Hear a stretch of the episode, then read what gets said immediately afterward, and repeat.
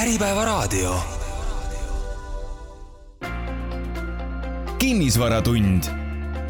kinnisvaramaastikul juhatab teed ärikinnisvara arendaja Capital Mill tere, hea Äripäeva raadio kuulaja, alustame Kinnisvaratunni saatega, mis traditsiooniliselt korra kuus ärikinnisvarast siin Äripäeva raadios juttu teeb ja erinevate ärikinnisvara suundade kõrval oleme siis täna eh, plaaninud rääkida ühest eh, vähem eh, tuntud ärikinnisvara suunast, aga kindlasti suunast, mis on tulnud, et jääda ärikinnisvara arenduses, hoolduses, halduses ja, ja, ja tegevuses laiemalt, nimelt siis hooldekodud või ka öeldakse viisakamalt eakate kodud, eakate kodude äri, kuidas siis toimub nende haldus, hooldus ja arendus ja majandamine, sellest siis tänases ähm, saates on plaanis rääkida. hea meel on öelda, et Eesti suurim eakate kodude ettevõtte Südamekodude aktsiaseltsi pikaaegne juhatuse liige, nüüdne nõukogu esimees Martin Kukk on äh, nõustunud tulema külla, tere tulemast, Martin! tere tulemast, aitäh! aitäh, et te tulite saatesse, mina saatejuht Lauri Leet alustame siis võib-olla kõigepealt, kuna me ärikinnisvara saates oleme, Martin, alustame hoonetest. südamekodul ettevõttena aktsiaseltsil on hetkel, ma lugesin välja, üksteist erinevat eakate kodu üle Eesti, vastab tõele? vastab tõele. et millises eh, vormis need hooned on, selles mõttes omandivormis, et ma saan aru, et mõned hooned on eh, ettevõttel teil enda omanduses, mõned on pikaaegsel rendil ja samas mõnda ka nii-öelda saate ainult opereerida ja omanik on hoopis keegi kolmas, et, et võib-olla väike ülevaade kõigepealt mm. -hmm. Kõigepealt selline definitsioonide küsimus, kuidas meile endale meil, ise me kutsume, et, et kui te mainisite siin ärikinnisvara, siis meie ise kutsume seda sotsiaalkinnisvaraks, et et, et aga noh, see on selline lingvistiline pool kõigest. aga tõepoolest, meil neid omandivorme on väga palju erinevaid, et et kui me päris alustasime, siis selline esimene, esimesed äh, operaatortegevuse ostmised ja ülevõtmised ja nullist arendamised toimusid äh, kinnistutel ja kinnisvara osas, mis paljud kuulusid kohalikele omavalitsustele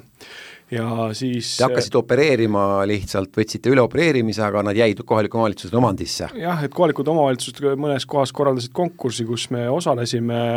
ühes teistega ja, ja siis, kui me selle konkursi võitsime, siis me lisaks opereerimise ülevõtmisele ja oma, omandamisele nii-öelda siis sa-, sa-, saime hoonestusõiguse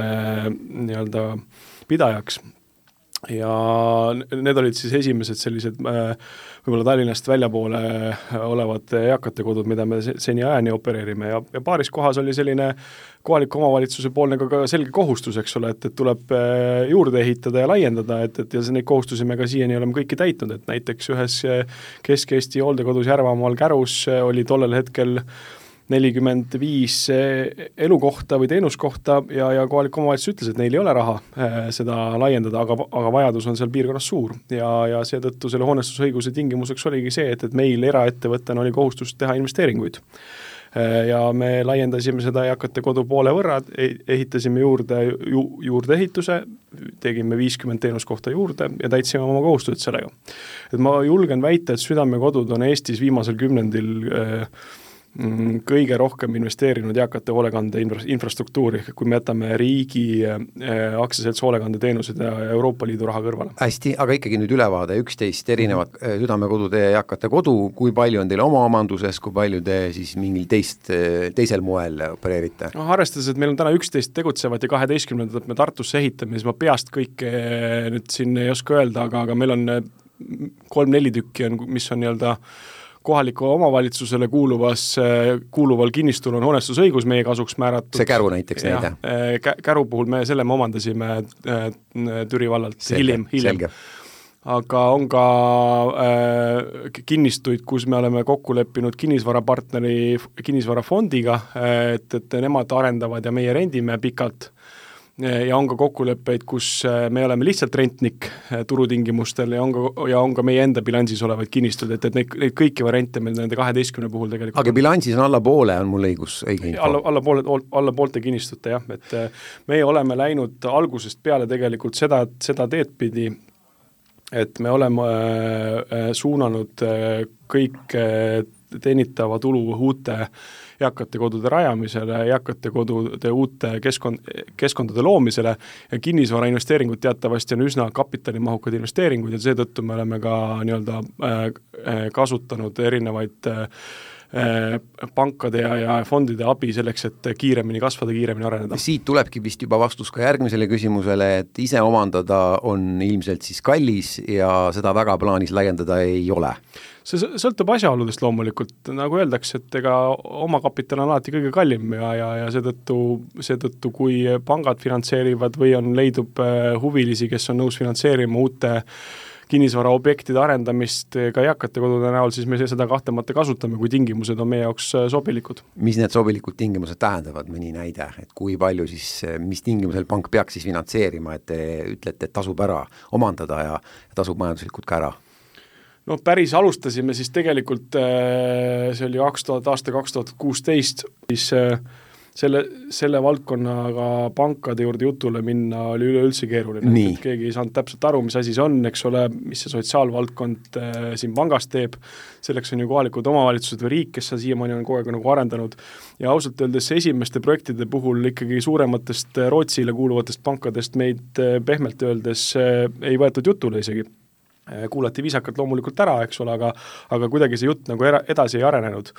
ja ainus pank, keda me tollel hetkel, kes, kes suvatses ka sellesse asja natuke süveneda, oli Eesti kapitalile kuuluv LHV ja, ja sellest ajast peale me oleme nendega ka partneriteks jäänud ja meie koostöö on juba olnud, varsti saab kümme aastat täis. Nemad on andnud siis laenu? jaa, nemad on andnud ja no pärast on hiljem ka teised eh, pangad huvitatud olnud, ol-, olnud eh, ka laenu andmisest, aga, aga me oleme jäänud siiamaani eh, oma ühele partnerile kindlaks. et olete saanud, küsinud ja LHV-lt ja põhiliselt ilmselt laenuandjana on LHV ja. olnud teie finantseerija. loen äh, majandusaasta aruandest, et äh, eelmise aasta lõpus laenukohustisi kokku oli kaks koma kuus miljonit äh, ettevõttel äh,, on õige info? on, kui see majandusaasta aruandes nii kirjas on, siis järelikult on see õige info, on auditeeritud aruanded. on see nüüd äh, piisav, olete uuel aastal juba võtnud juurde, on plaanis lähiaastal veel juurde võtta, et kuidas see laenu kohustuse suurus äh, ettevõtte pikas vaates nagu nii-öelda tundub, aga vajadus on, milline? meie laenukohustus eh, on pärast eelmise aasta lõppu ka vahepeal tegelikult vähenenud, et me oleme vahepeal ka laenu tagasi maksnud ja, ja eriti murelikuks on teinud meid eh, mm, see Euribori tõus, eks ole, mis ei tee ainult meid murelikuks, vaid teeb ka kõiki teisi murelikuks aga vahepeal oleme omandanud ühe, ühe täiendavalt ühe Kesk-Eesti pansionaadi ja seda kommertslaenu abil ja omandades ka selle kinnisvara, nii et eh, meie laenukoormus on vahepeal kasvanud, eh, tulenevalt sellest, et me oleme laienenud. Äsja ja, ja meie laenukoormus täna on, on suurem, kui tollel hetkel seal bilansis äh, aasta lõpus kirjas oli, aga,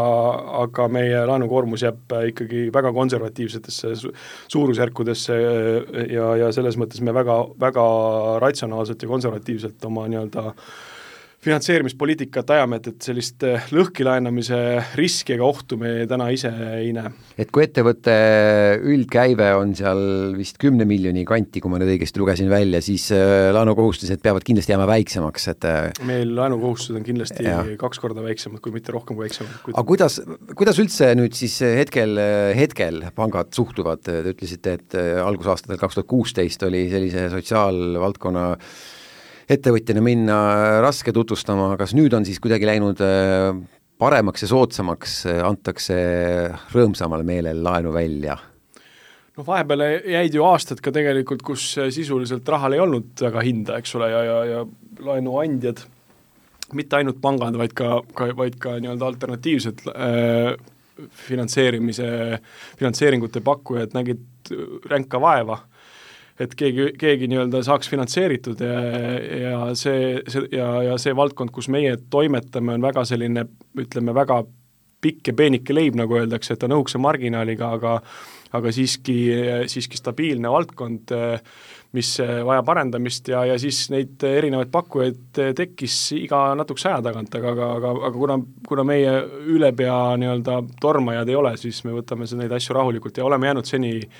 seni äh, nagu kindlaks oma senistele finantseerimisele. et ühel hetkel isegi hakati pakkuma, et äh, tulge võtke, tulge võtke meilt, jah. aga kui nüüd võrrelda erinevaid ärikinnisvara valdkondi, näiteks kui te nüüd büroohoonete haldaja, arendajaga võrreldes lähete panka või, või, või tööstushoonete haldaja, arendajaga võrreldes, kas te saate paremate tingimustega laenu või, või siiski ikkagi karmimate tingimustega, kuidas te, kuidas te ise olete aru saanud? Mul on selles osas raske nagu öelda, sest ma ei ole ei ärikinnisvara ega büroohoonete ega tööstuskinnisvara puhul nagu laenu taotlemas viimasel ajal käinud, aga ma arvan, et selles mõttes ja noh, ma ei taha siin nagu väga palju oletada, aga ega, ega lõppastmes vaatab ikkagi vastu lisaks sellele valdkonna, tegevusvaldkonnale ka see see, see nii-öelda raha, rahavoog ja, ja bilanss, mis sealt vastu vaatab pangas, nii et selles mõttes see ikkagi see laenutingimus sõltub ikkagi sellest, kes seal teisel pool lauda on.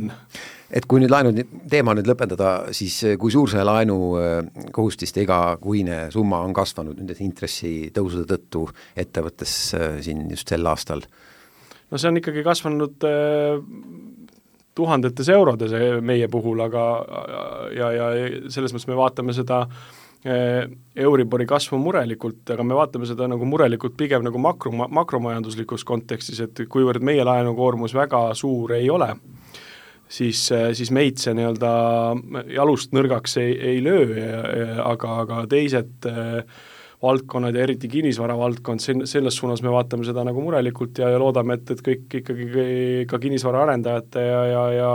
omanike osas läheb hästi kui nüüd nende vormide juurde tagasi minna, siis üks vorm, nagu mainisite, on ka siis, et on Eften äh, Kapitali kolmas kinnisvarafond teil partner, milline mudel see siis täpselt on ja, ja kuidas see õigustab, mis on selle plussid? noh, see nagu ma enne, ennist mainisin, et, et äh, selleks, et kiiresti ettevõtet arendada ja kasvatada, siis meie oleme teinud äh, valiku nii-öelda omanike kapital suunata operaatortegevuse ja teenuste arendamisse ja, ja kui, kui turul on inimesi, kes teavad kinnisvarast ja kes oskavad kinnisvarasse investeerida meis, meist äh, paremaid ja kahtlemata on paremaid, sest me ei ole kinnisvaraspetsialistid, siis, siis me oleme kaasanud, ma arvan, Eestis parimad kinnisvara investeerijad või kinnisvaraarendajad. Nad siis on mitte investeerinud, vaid ka arendanud teile või kuidas see on? see sisuliselt on ikkagi olnud nii, et me, kuna meie oleme ikkagi op-, hool-, hoolekande valdkonna nii-öelda operaator ja meie teame tingimusi, te-, me teame, mida on vaja selleks, et edukalt äh, teenust osutada, siis ikkagi tellija ja, ja arendaja oleme selles projektimeeskonnas olnud meie ja, ja EFTEN-i puhul on jäänud äh, valdavalt see finantseerimise pakkumine. Nagu me teame, siis ka EFTEN fond on ka börsil saada nii-öelda avainvestoritele, nii et kõik, kes soovivad, siis saavad selle fondi kaudu siis sisuliselt ka tegelikult äh, südamekodude, hooldekodudesse ka siis nii-öelda kaasa aidata, investeerida ja ma saan aru, et Tartusse toimub praegu üks konkreetne arendus kraadile, kui kaugel see on? See on eh, nii kaugel, et kui ma mõned nädalad tagasi seal käisin, siis vundamenditööd äh, nii-öelda olid teostamisel ja, ja tõenäoliselt järgmiseks suveks peaks olema see maja seal nii valmis, et äh, saab hakata sisu äh,, hakata mõtlema sisustamise peale. mõni aeg tagasi, siin aasta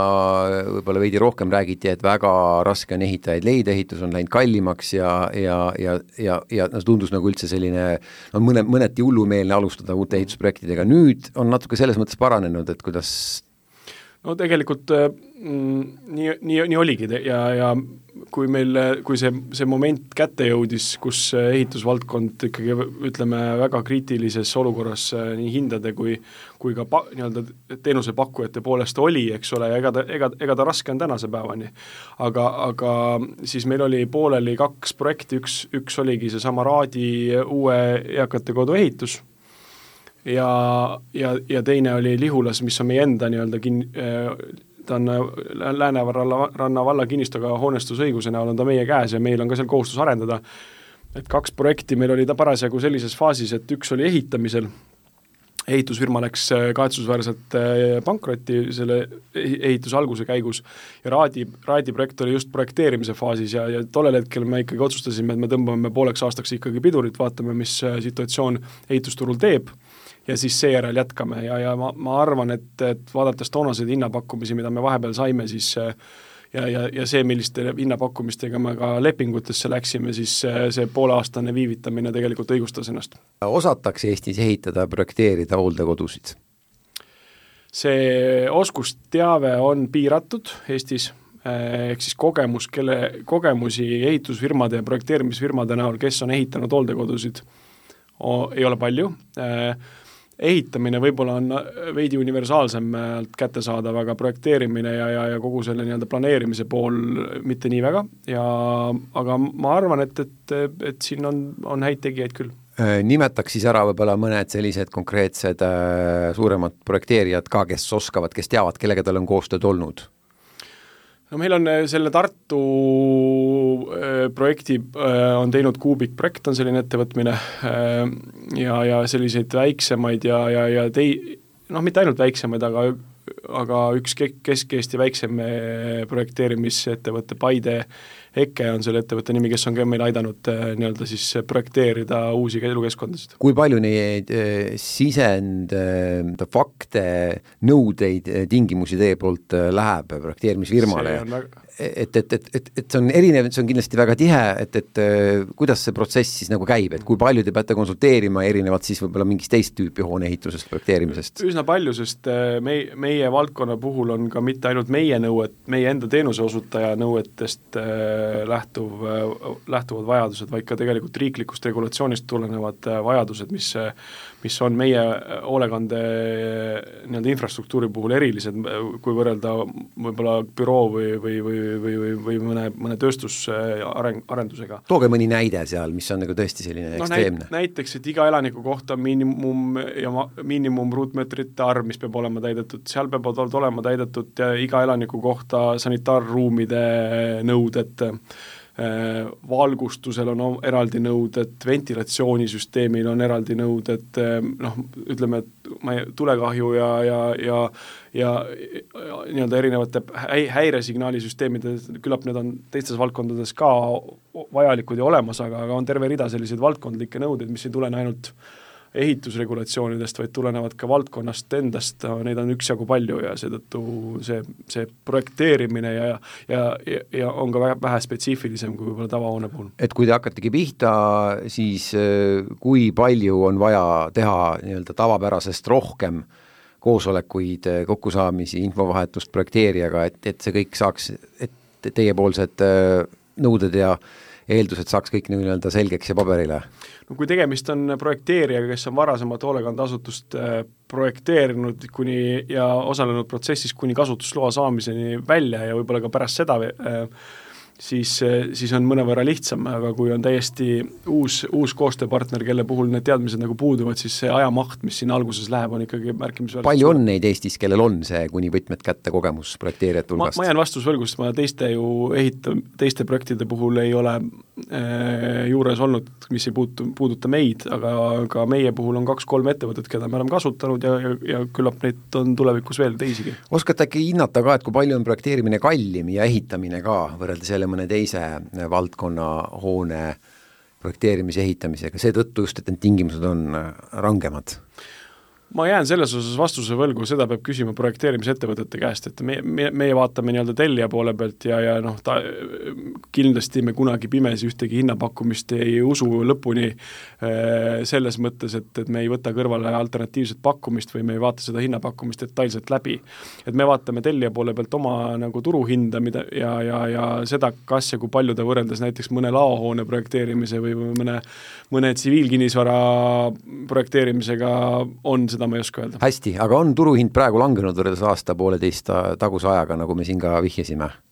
kui me räägime ehitamist, ehitamisest laiemalt, siis teatud valdkondades, teatud lõikudes on, teatud valdkondades ei ole, et, et aga aga mm, nagu ma ütlesin, et, et see konkreetne näide siin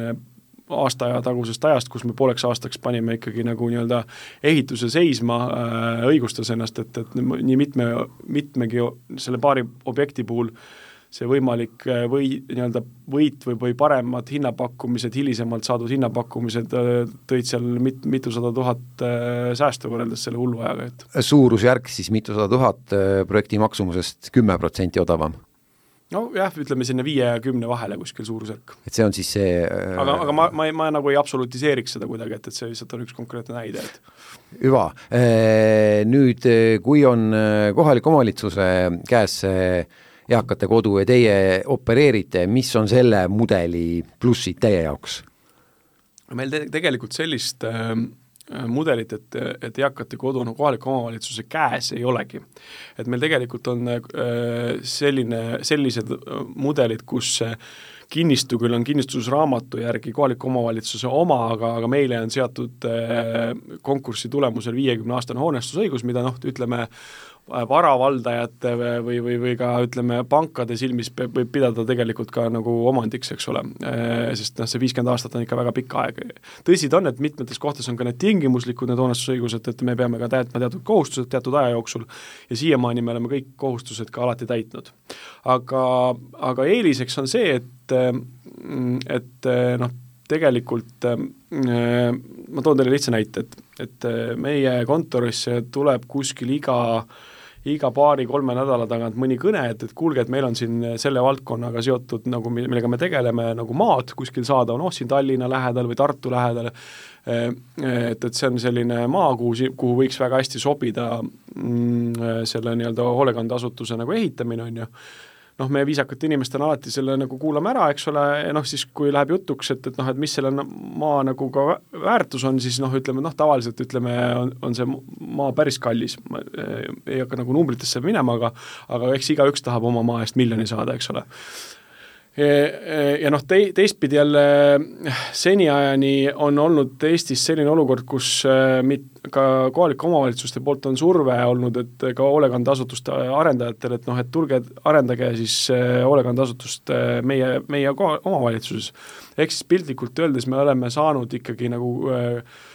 osaleda avalikel konkurssidel, kus kohalik omavalitsus on otsinud op-, operaatorit ja hoolekandeteenuse arendajat ja me oleme maasisendi saanud ikkagi märkimisväärselt odavamalt, kui mõned eraomanikud seda oleks saanud. et see on nagu üks selline asi, mis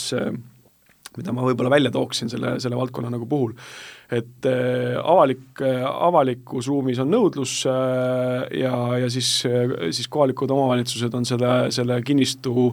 kinnistu, mis võiks sobida sellisele asjale nagu leidnud, pannud selle avalikule konkursile ja siis kas meie või keegi teine on siis saanud hakata seda arendama äh,? Mõningal juhtudel tehakse ka kohaliku omavalitsuses see konkurss väga kiirelt ja nii-öelda vaikselt, nagu siin aasta tagasi Kohtla-Järvel näiteks oli kuulda, et jäite ilma,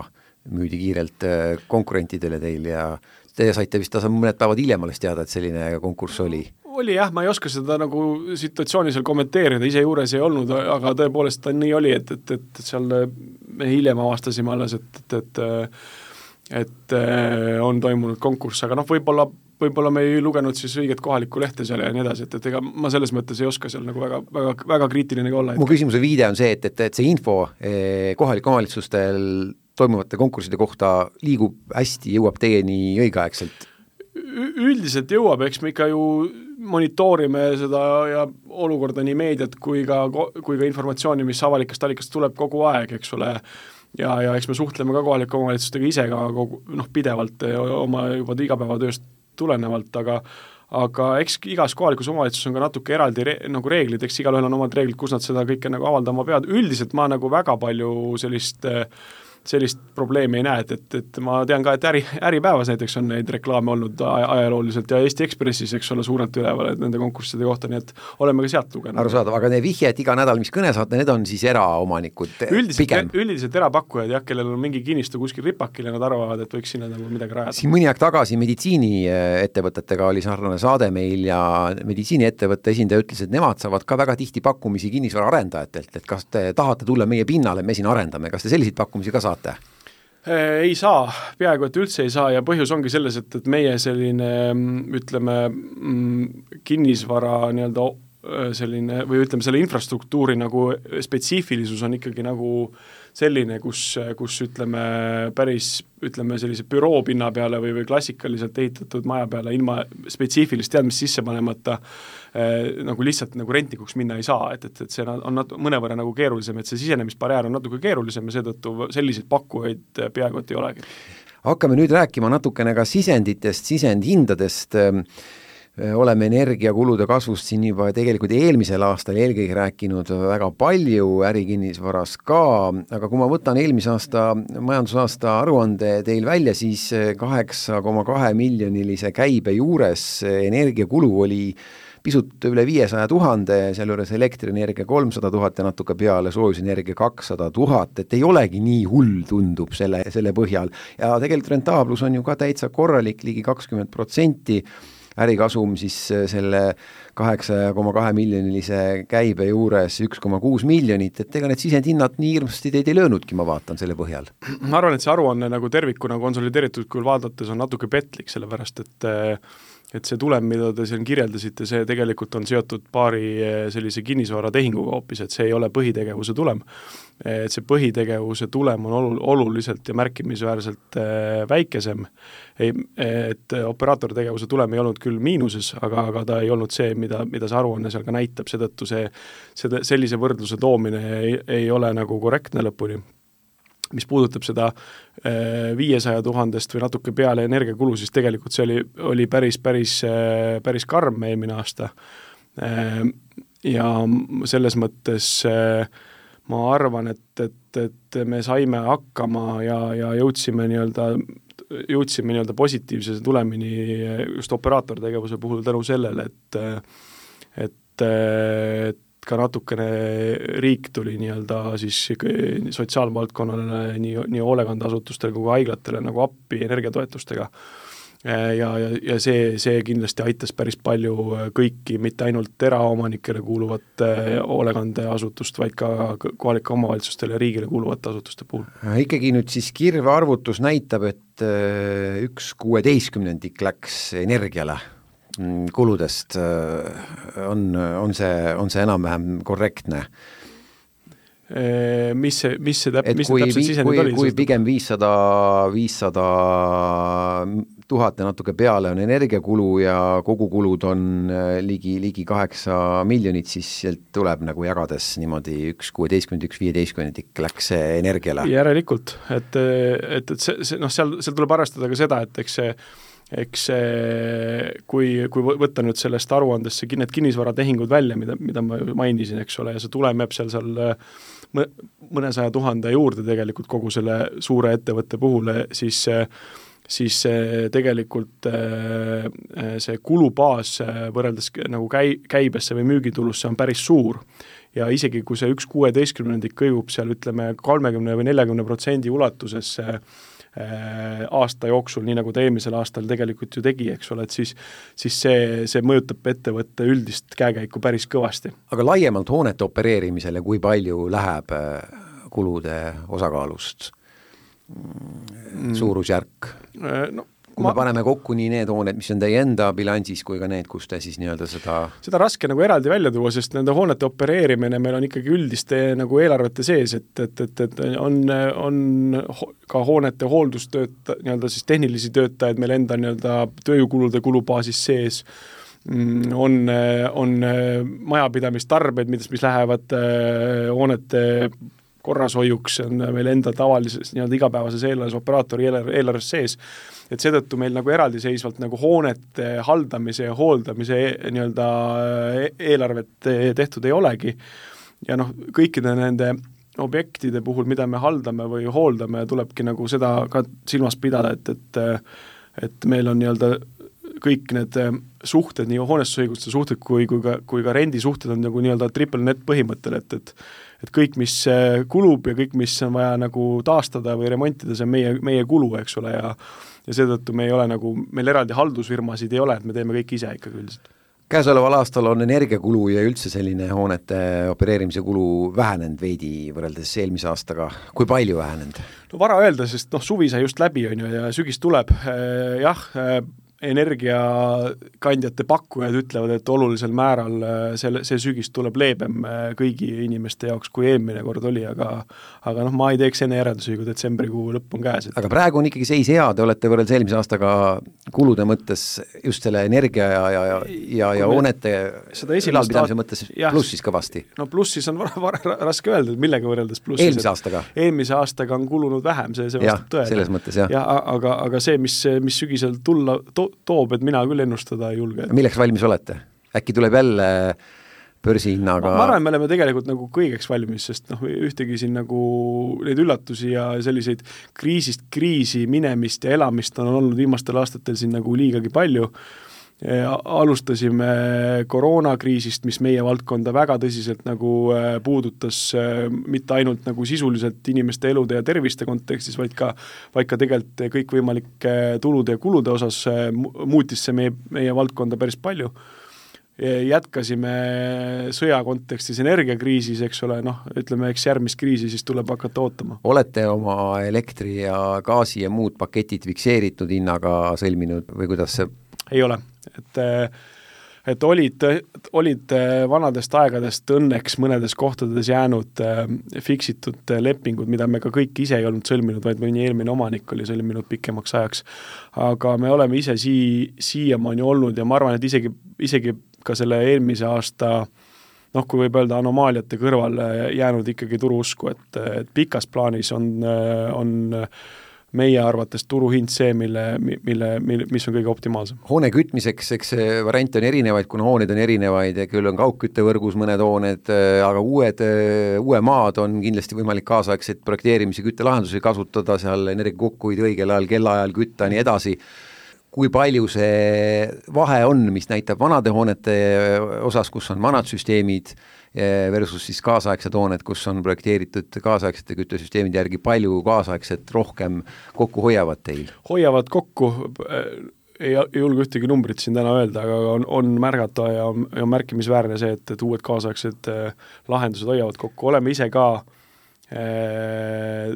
tegemas ja, ja planeerimas nii-öelda roheenergia investeeringuid oma objektide puhul, seda mitte ainult sellepärast, et et üldine keskkond ja krediidiasutused vaatavad, et, et see, see, see tuleb kasuks, vaid pigem ka seetõttu, et sellel on ka väga selge majanduslik motiiv, eks ole, et, et noh, eeskätt käib meie puhul jutt kohalike päikesepaneelki, paneeli parkide loomisest enda tarbeks, et äh, selleks, et ka välistada võrgutasu ja, ja, ja, ja hoida nii-öelda e-, energia kontrolli all. aga mis küttelahendust te eelkõige eelistate, kui niimoodi otse üks valida? no iga, iga, iga objekt on ju erinev, eks ole, ja, ja mõnes kohas on äh, kaugküttevõrk äh, kõige mõistlikum lahendus, mida kasutada, mõnes kohas see ei ole võimalik, on meil kohti, kus meil on maaküte äh,, et ma, iga objekt on erinev ja sellist universaalset lähenemist meil tegelikult ei ole. ilmselt ei oska ka öelda, aga ma ikka küsin ära, et mis see keskmine sooja hind hetkel teil on, millega te saate ettevõttesse? Teil on õigus, et ma, ma ei oska seda praegu peast öelda. Hea küll, tööjõukulud, need on umbes pool ettevõtte kuludest nelja miljoni ümber, lugesin välja, hüppasid ka üles eelmisel aastal väga oluliselt võrreldes üle-eelmise aastaga aga samas on see ka mõistetav, kuna töö, töötajate hulk kõvasti kasvas, et ega see ongi siis paratamatu, kui kahesaja töötaja asemel on kolmsada töötajat, siis ka, siis ka tulebki see hüpe ka eh, kahelt ja poolelt miljonilt neljale miljonile paratamatult eh, sisse võtta. No ma arvan, et see ei ole ainult seal eh, töötajate kasvu tõttu, vaid me tegelikult oleme tõstnud ka iga aasta järk-järgult oma töötasusid ja ja selline viimastel aastatel oleme kümme ja peale protsenti tõstnud töötasusid, sest vastasel juhul meil lihtsalt selles, sellises tööjõumahukas valdkonnas ei ole võimalik ellu üleüldse jääda. et eelmine aasta tõusis kümme protsenti teil iga keskmiselt? iga aasta ja, ja ka see aasta nüüd hooldusreformi järel me tegelikult on hooldustöötajate töötasud veel ka aasta keskel tõusnud, et, et, et see aasta selles mõttes tuleb veelgi nagu veelgi suurema hüppega see tööjõutasude tõus aga noh, teistpidi tuleb ka nagu aru saada, et, et see, see valdkond on äh, tööjõumahukas ja meil on äh, tööandjana, see on meie jaoks kriitiline olla atraktiivne ja, ja et, et inimesed meie juurde mitte ainult ei tuleks, vaid ka jääks ja me oleme konkurentsis mitte ainult äh, teiste hooldekodudega, vaid ka haiglate ja, ja muude sarnaste asutustega, nii et, et see, see, see valdkond on kõige karmim valdkond meie äh,. Arusaadavalt, see on raske töö, inimesi raske leida, kõik, ma arvan, et kuulajad ei imesta selle jutu üle, aga kui palju siis see nii-öelda see, see, peab see tõus olema sel aastal näiteks palgakasvul, ütlesite isegi kümnest rohkem, et, et ikkagi neid inimesi hoida, et, et mis see turuseis praegu hetkel on, me teame, et mõnevõrra on läinud tegelikult olukord tööandjal paremaks, et majandusseis ei ole enam nii hea, inimesed võib-olla kohati ei leia enam nii kergelt tööd ja selle võrra on lihtsamini töötajaid ka leida, on natukene seis paranenud võrreldes aasta varasemaga? kui me nagu ütleme üldist, üldist turgu ja kõike muid majandussektoreid silmas peame, siis see võib ka nii olla. meie valdkonnas lihtsalt juhtus selle aasta esimesest juulist hooldusreform, eks ole, mille tulemusel riik läbi kohalike omavalitsuse asus finantseerima lähedastele siis seda nii-öelda osa, osa hooldusteenuse kuludest, milleks siis olid või on hooldustöötajate, abihooldustöötajate noh, palgafondiga seotud kulud. ja, ja see andis siis võimaluse ka meie valdkonna nagu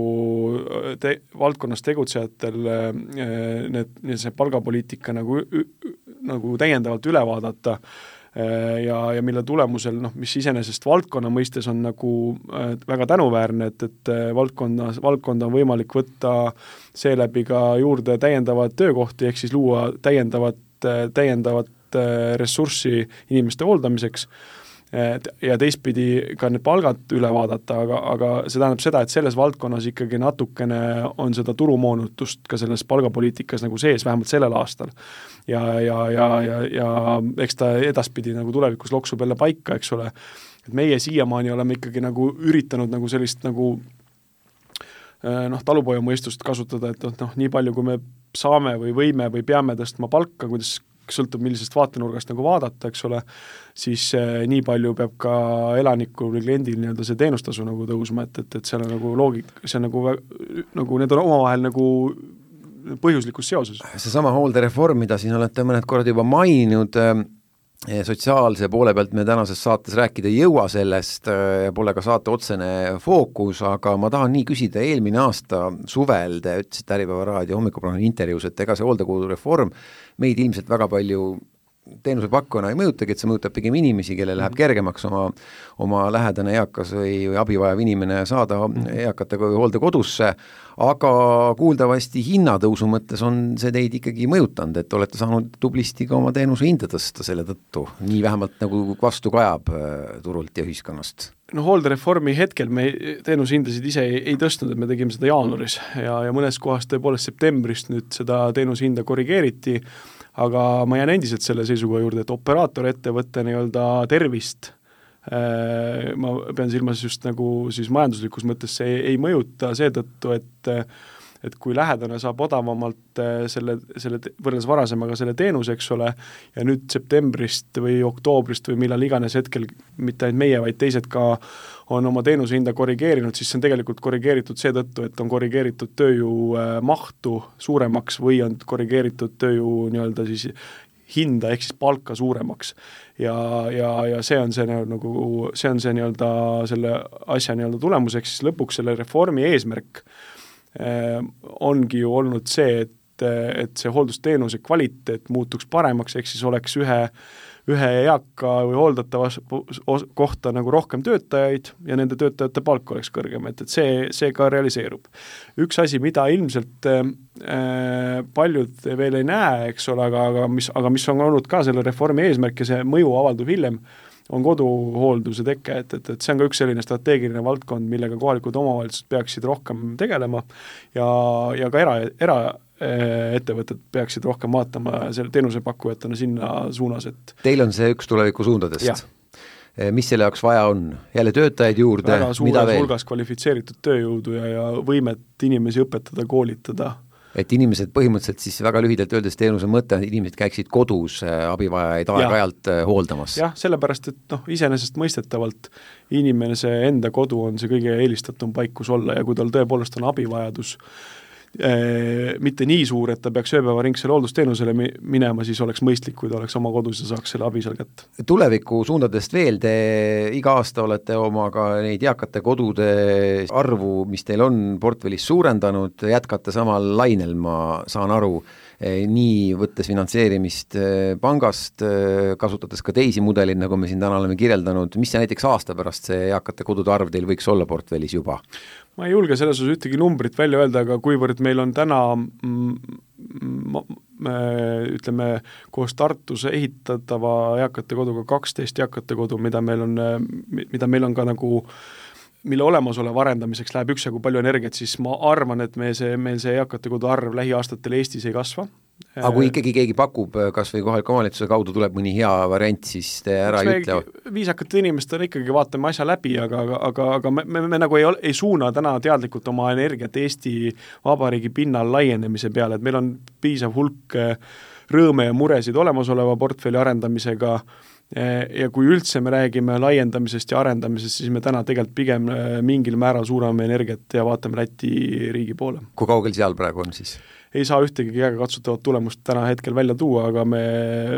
iga natukese aja tagant sinna energiat suuname. mingi plaan kindlasti on olemas, et, et, et, et kuhu välja jõuda, mis ajaks Lätis? noh, plaan on, on võib-olla liiga konkreetne sõnastus, aga, aga idee on, jah.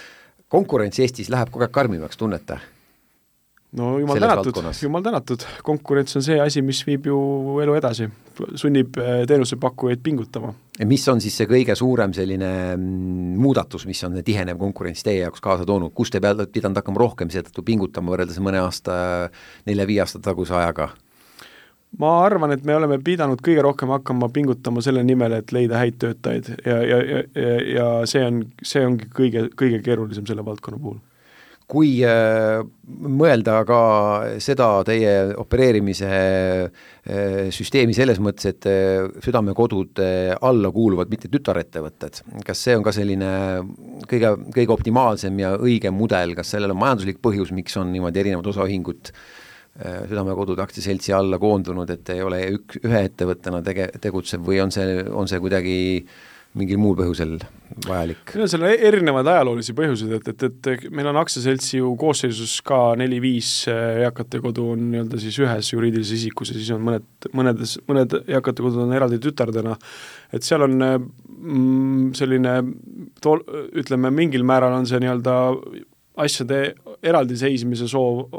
hoidmise soov olnud algusest peale, aga tegelikult on seal nagu palju praktilisem põhjus, et nendes, nendest, nendes tütarühingutes, kus meil on eakate kodud eraldi, on meil ka, meie tegevjuht on väikeosanikuna nii-öelda äh, osaline ja seetõttu on nad eraldi. Kas mingi mahuefekt äh, ka toimib selles valdkonnas, et kuna teil on äh, tõesti suur hulk Eesti mõistes neid, et saab kuidagi mahu pealt optimeerida kulusid või kuna nad on erinevad ja kaugel asuvad üksteisest, siis ei? Võib-olla kõige, kõige positiivsema tooksin selle mahu pealt välja selle, et, et, et meil toimub äh, aktiivne kogemuste, teenuse osutamisel kogemuste vahetamine eh, nagu grupisiseselt, et see on nagu kõige olulisem, ütleme võib-olla, mis, mis võib-olla praktilises elus nii, niivõrd ei annagi tunda, aga teenuse nii-öelda osutamisel ja, ja, ja selle teenuse kvaliteedi arendamisel annab, annab, kindlasti tunda. aga kui me ostame sisse äh, mingisuguseid mm, tooteid või teenuseid, siis äh, kindlasti ühe, üle Eesti üheteistkümnele või kaheteistkümnele eakatele kodule osta ka nagu hankevormis, siis loomulikult sellest saab ka teatavat hinnaefekti. teatavat, kui suurt? no see, see sõltub jälle valdkonnast, et sellist absoluutset numbrit, äh, nagu te siin küsite, ei ole olemas, aga on valdkondi, kus, äh, kus sisseostuhind võib erineda ka kümme protsenti seetõttu, et maht on oluliselt suurem kui muidu eraldi ostus Äh, päris lõpetuseks, kinnisvarainimesed tahaksid kindlasti kuulda, äh, mis äh, on kinnisvara tootlus selles, selles sektoris, selles valdkonnas. kindlasti raske öelda, kuna tõesti vorme on erinevaid, aga aga mingisugune ümmargune number teil kindlasti on peas olemas, võib-olla on võimalik see välja öelda? no selles mõttes, et ega ju põhimõtteliselt võtke lahti börsiteated ja, ja kuna Efteni fond on avalikult kaubeldav, siis siis näiteks meie Pirita pansionaadi rendi, rendikulu, mida meie maksame suhtesse see investeering, mis sellesse kinnistusse toona sai tehtud, on, on suurusjärgus seitse protsenti aastas, eks ole. et, et, et see on nagu mingi referentspunkt, mis on avalikult kättesaadav informatsioon, eks ole, ja, ja tõepoolest, nagu te ise mainisite, meil on väga palju erinevaid äh, õigussuhteid äh, erinevate kinnistudega, et sellist üldist numbrit nagu välja ei saa tuua, aga see on see number, mida ma mida ma saan öelda, mis on avalikult kättesaadav ja, ja, ja, ja võib-olla mingisuguseks indikatsiooniks see on, eks ole, et noh, tänaste pangaintresside juures võib-olla see väga atraktiivne ei tundu, eks ole, aga tollel korral, kui see investeering tehtud nagu sai, et siis oli Euribor null ja ja tollel hetkel oli see olukord võib-olla mõnevõrra teistsugune, et, et nii ta on. päris lõpetuseks, Martin Kukk, teie ei välju sellest äh, ärist, sellest valdkonnast, jätkate nõukogu esimehena äh, ja ka viie aasta pärast me saame rääkida teiega kui, kui siis sotsiaalkinnisvara inimesega. Ei, me elu ette tea, aga, aga täna ei ole küll ühtegi teist plaani ja inimesel peab olema homm-, põhjus, et hommikul üles tõusta ja õhtul töölt koju minna, nii et, et hetkel ma toimetan selles valdkonnas edasi. suur tänu selle intervjuu eest, Südamekodude Aktsiaseltsi nõukogu esimees Martin Kukk hea kuulaja, selline tänane Kinnisvaratund, kuu aja pärast uue eh, valdkonna, uue teemaga, mina, Lauri Leet, soovin kõike paremat, kuulmiseni!